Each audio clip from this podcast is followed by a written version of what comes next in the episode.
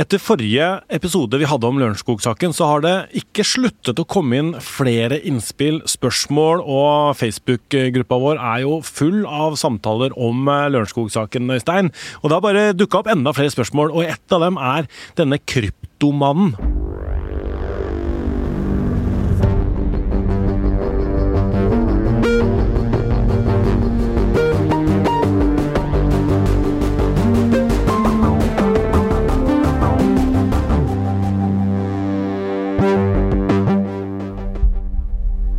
Altså Det er én mann til som er sikta i denne saken her, eh, under navnet Kryptomannen. Hvem er han, og hvordan kom han inn i politiets eh, søkelys, Øystein? Nei, Det er jo riktig Tor Erling, at han uh, fortsatt er sikta, og har vært det helt siden i vår. Og så har det vært mye mindre oppmerksomhet rundt han enn det har vært rundt Tom Hagen. Um, denne kryptomannen, det er for det første viktig å si at han er ikke kalt kryptomannen fordi at han kan kobles til dette kryptorigget som eh, de påståtte kidnapperne har brukt. Eh, det er det ingenting som Det er ikke kjent at det er noen ting som trekker i retning av at han har noe med det å gjøre. Han kalles kryptomannen av den enkle grunn at han kan mye om kryptovaluta, og det er jo ikke noe ulovlig eller gærent i det. Han er en mann i 30-årene som tilfeldig kom i kontakt med Tom Hagen, etter det vi vet nå. Han var da veldig interessert i eh, å se om det kunne tjenes noen penger på, på kryptovaluta, og trengte en eh, investor. Han har da på en eller annen måte funnet ut at Tom Hagen både, Det er ikke en hemmelighet det at han, at han har vært en rik mann, men han har vel da også fått det for seg at han skal kontakte Tom Hagen. og Uh, og det gjorde han. Uh, i, I 2018 så, uh, så begynte de å pleie kontakt. Denne såkalte kryptomannen ønska da økonomiske muskler for å, for å starte business, og så på Hagen som en mulig samarbeidspartner. Og Tom Hagen han møtte denne mannen med en sånn uh, nysgjerrighet og en ønske om å få vite mer om dette, denne kryptovalutaen, som jo uh, har vært populær i en del kretser uh, med tanke på å tjene penger. Det er jo ikke uvanlig det, at folk som har ideer, gründer osv., går til, til, rike folk da, og ber om finansiering. Men, men dette betyr jo at de har snakka om kryptovaluta da, før denne saken? Ja, det er det ingen tvil om, og det har begge forklart. At de har diskutert kryptovaluta, og mm, at denne mannen i 30-åra har eh, tegna og forklart, og at Tom Hagen har vært en eh, interessert eh, Kall det anførselstegn elev, som, som har som har tilegna seg en, en, god del kunnskap om, om, kryptovaluta. Og det er klart at um, dette sporet ble jo veldig naturlig, vil jeg si, interessant for politiet. Når man da kom i den situasjonen at uh, det lå igjen et brev på uh, åstedet uh, i Sloraveien, hvor, hvor den antatte motparten krevde kryptovaluta, en stor sum, rundt 90 millioner kroner, norske kroner, altså kryptovaluta for den summen, for å, for å løslate Anne-Elisabeth Hagen, så er det klart at når politiet da oppdaga at det hadde vært en mann på Futurum, altså det stedet hvor Tom Hagen jobber, møtt ham mange ganger og snakka om nettopp kryptovaluta, så, så, er det klart at det er et spor politiet er nødt til å, å gå ut et, og etterforske og komme til bunns i. Og, og, det var jo det som da til slutt leda frem til at denne mannen ble pågrepet. Men uh, hva er det han da sikta for? Ja, når det gjelder siktelsen av han, så er den litt sånn teknisk uh, komplisert, fordi at og det er litt uh, ja, finurligheter knytta til det. Han ble jo, han ble jo sikta for drap eller medvirkning til drap da han ble pågrepet. Og så endra politiet siktelsen til, eh, til, bortføring eller medvirkning til bortføring, men så har det vært en diskusjon, sånn juridisk eh, diskusjon om, om eh, politiet har kompetanse til å gjøre det. At man da kan legge bort den drapssiktelsen. eller om det er noe statsadvokat, riksadvokat må gjøre. Men, men, men, det er for så vidt litt sånn Rent praktisk sett så er jo det litt flisespikking. Mannen er sikta for en av de to tinga uansett, og har disse anklagene hengende over hodet sitt. Og det har jo hans forsvarer Dag Svensson sagt at Eh, er belastende. Eh, og så har vi vel et inntrykk av at eh, denne mannen i 30-årene ikke er sånn kjempeinteressant for politiet, men det er jo i hvert fall Ja, det er et inntrykk vi har, og så får vi jo se hva, hva som skjer videre. Men han har jo da blitt avhørt, og vet vi noe hva han har sagt? Ja, han er avhørt av politiet, og han har, eh, i motsetning til Hagen, så har eh, denne mannen i 30-årene stilt opp på alle de avhørene politiet har bedt ham om å delta i.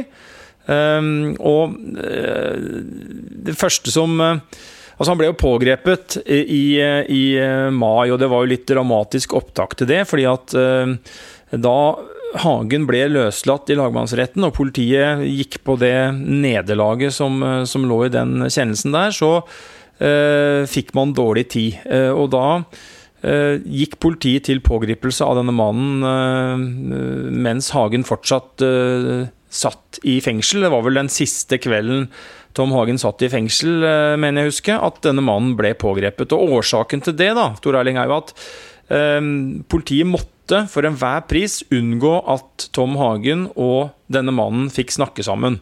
Eh, for dersom det skulle være sånn at de to hadde noe å skjule, så var det helt maktpåliggende. Og da Hagen var på vei ut av fengsel, så måtte da politiet sikre seg eh, et avhør av denne mannen før Hagen kom ut, og også sikre seg å kunne ransake hos ham eh, på jakt etter mulige spor før han og Hagen møtte hverandre. Om det ville hatt noen betydning, det vet vi jo ikke, men, men politiet kan ikke ta noen andre sjanser enn å Eh, være føre var, og derfor så ble han pågrepet. og noe av det første han da sa til politiet, var at, eh, at nå er dere på villspor. Eh, dette har ikke jeg noe med å gjøre. Han var samtidig redd for at han skulle utsatt, være utsatt for et komplott. Han forsto jo for så vidt hvorfor politiet kom. Han visste jo at han og Tom Hagen hadde sittet i mange møter og diskutert kryptovaluta. Han visste jo at dette brevet hadde kryptovaluta eh, som et av elementene, og han visste jo at Tom Hagen var pågrepet og sikta for drap. Og, og, da behøvde man ikke være veldig eh, framme i skoa for å skjønne at eh, man kan komme i eh, søkelyset mer enn som vitne. Og det var jo nettopp det som skjedde. Han ble da pågrepet og tatt med inn til avhør. og Eh, forklarte seg både da og senere om eh, det han mener er sin rolle i saken. Og Hvis han da sier at han ikke har noen eh, rolle i denne saken, da, og politiet heller ikke syns han er så veldig interessant lenger, hvorfor er han da fortsatt sikta? Ja, Det er et spørsmål om nå politiet vil vurdere det spørsmålet. forsvarer Dag Svensson, advokat Svensson, som jo da bistår denne mannen i 30-årene, han er utålmodig og, og, sier til VG at han mener politiet er på feil spor, og uh, at det er tungt å gå med en siktelse over seg. ikke sant? Det er tungt å være knytta til denne uh, grusomme saken som, uh, som, utspiller seg i Lørenskog. og Svensson sier at han nå håper på nyåret at, at politiet vurderer denne siktelsen. Og så kan det være ulike vurderinger som gjøres i påtalemyndigheten. Det kan hende at man mener at det er nødvendig at siktelsen opprettholdes i en periode til av en eller annen grunn. Eller det kan hende at man da faktisk eh, eh, gjør en vurdering og, og eventuelt eh, henlegger. Eller om man mener at det er grunn til å opprettholde siktelsen, så gjør man jo det. Men, men det har jo gått såpass mye tid nå at, at det er på, på tide at politiet etter hvert begynner å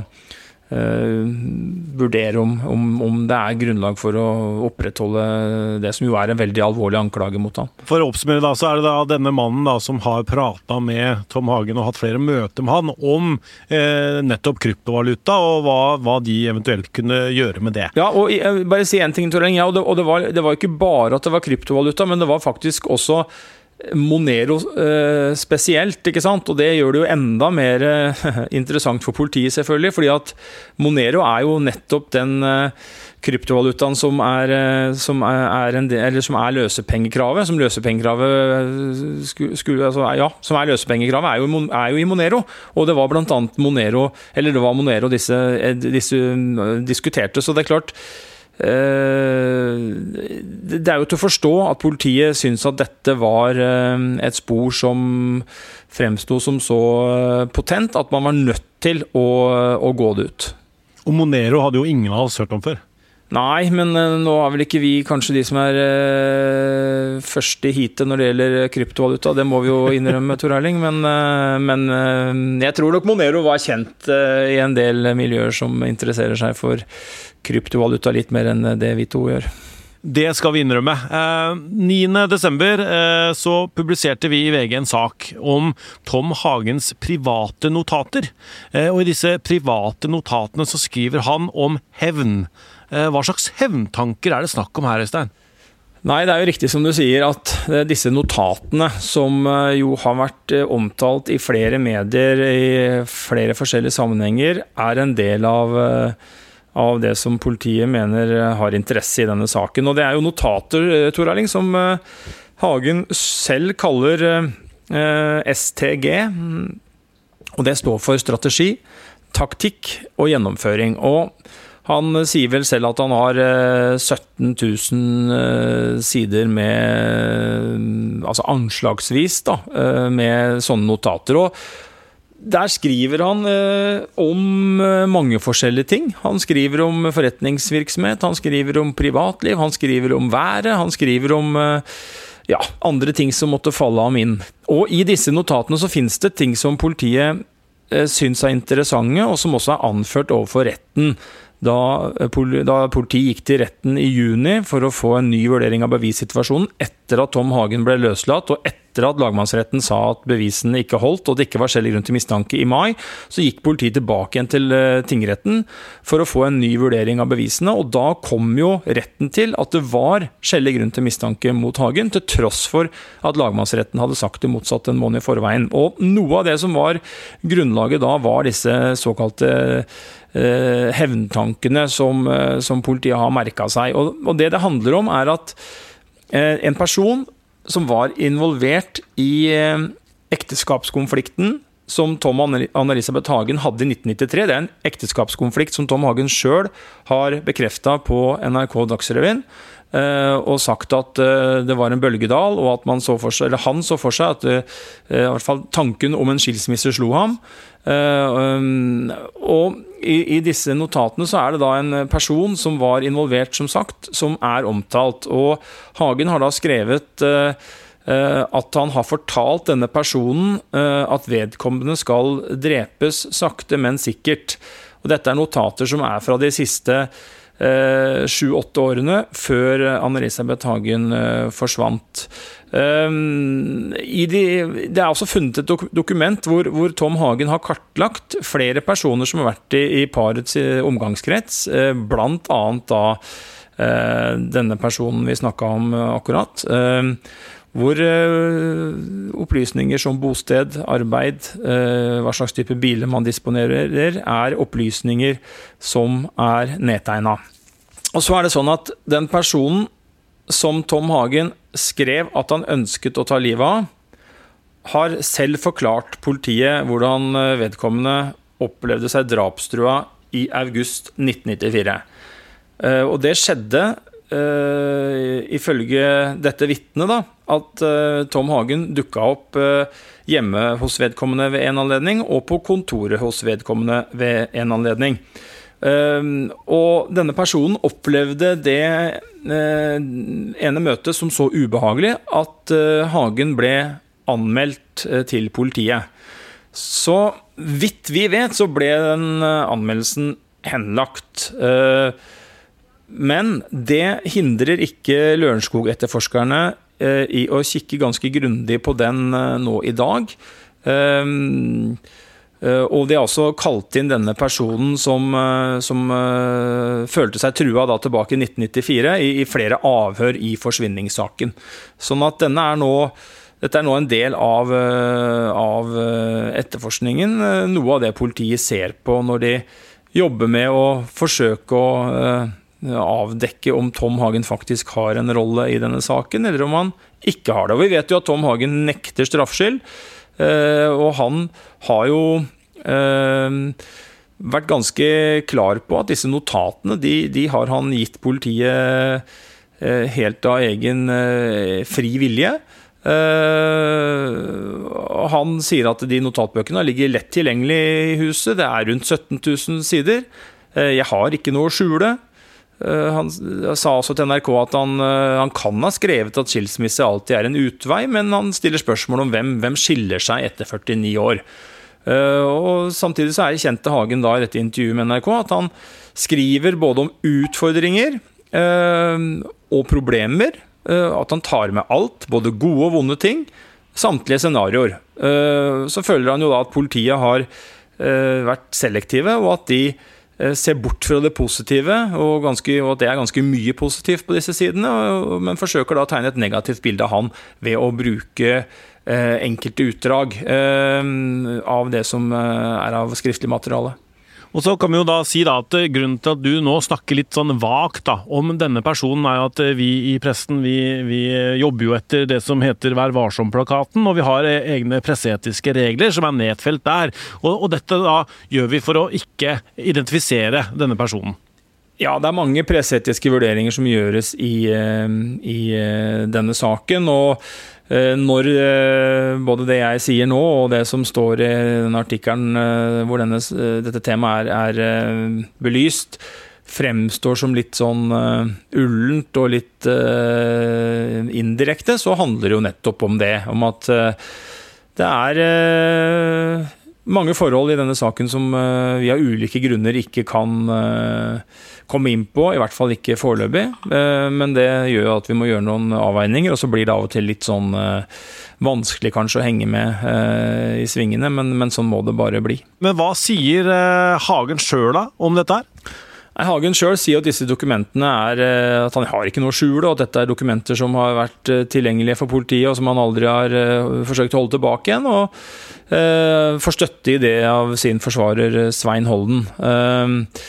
Han eh, sier til VG at dette er dokumenter som Tom Hagen frivillig har gitt politiet tilgang til.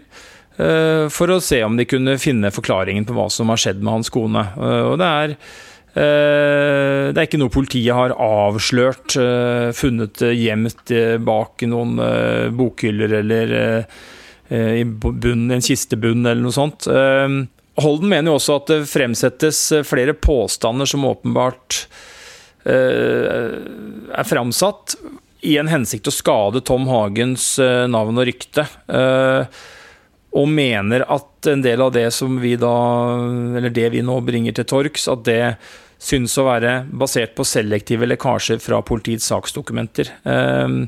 Holden mener ikke at disse opplysningene er relevante for saken, og mener heller ikke at det gir noen forklaring på hvorfor Anne-Elisabeth Hagen forsvant. Um, og legger til at han syns det hele er fremsatt i den hensikt å legge sten til byrden, eventuelt forsøke å skape splid og uro internt i en familiesorg. Uh, så presiserer Holden at uh, Tom Hagen bare kan gjenta det samme som han har sagt til NRK. Han har ikke drept sin kone, og han har ikke medvirket til at hun er bortført. Og Politiet ønsker heller ikke å kommentere da disse eh, notatene som vi nå mm, refererer til. Mm. Og så er det viktig å huske Tor at det er fortsatt sånn at eh, det ikke er noe som tyder på at Hagen kan knyttes til Sloraveien 4 på det tidspunktet som Ann-Elisabeth Hagen etter politiets syn ble, ble drept. Uh, han kan ikke knyttes til noen av de gjenstandene som politiet mener uh, kommer fra en eller flere gjerningspersoner. Og det er heller ikke noe som tyder på at uh, Hagen har hatt kontakt med noen gjerningspersoner som er involvert i denne saken. Så det er fortsatt en sak som er åpen, og hvor vi må avvente hva som skjer de neste månedene og kanskje også årene før vi kan oppsummere. Takk skal du ha, eh, krimkommentator i VG, Øystein Milli. Eh, dere som hører på, kan fortsatt eh, sende oss mail på krimpodden at vg.no, eller diskutere og ta kontakt med oss på Facebook-gruppa vår. Husk bare da at man holder disse samtalene der på et saklig nivå. På torsdag så kommer siste episode av Julemysteriet vårt, så få med deg den episoden også. Jeg heter Tor Erling Tømt Ruud, produsent for podkasten er Vilde Våren, og Magne Antonsen har det tekniske ansvaret.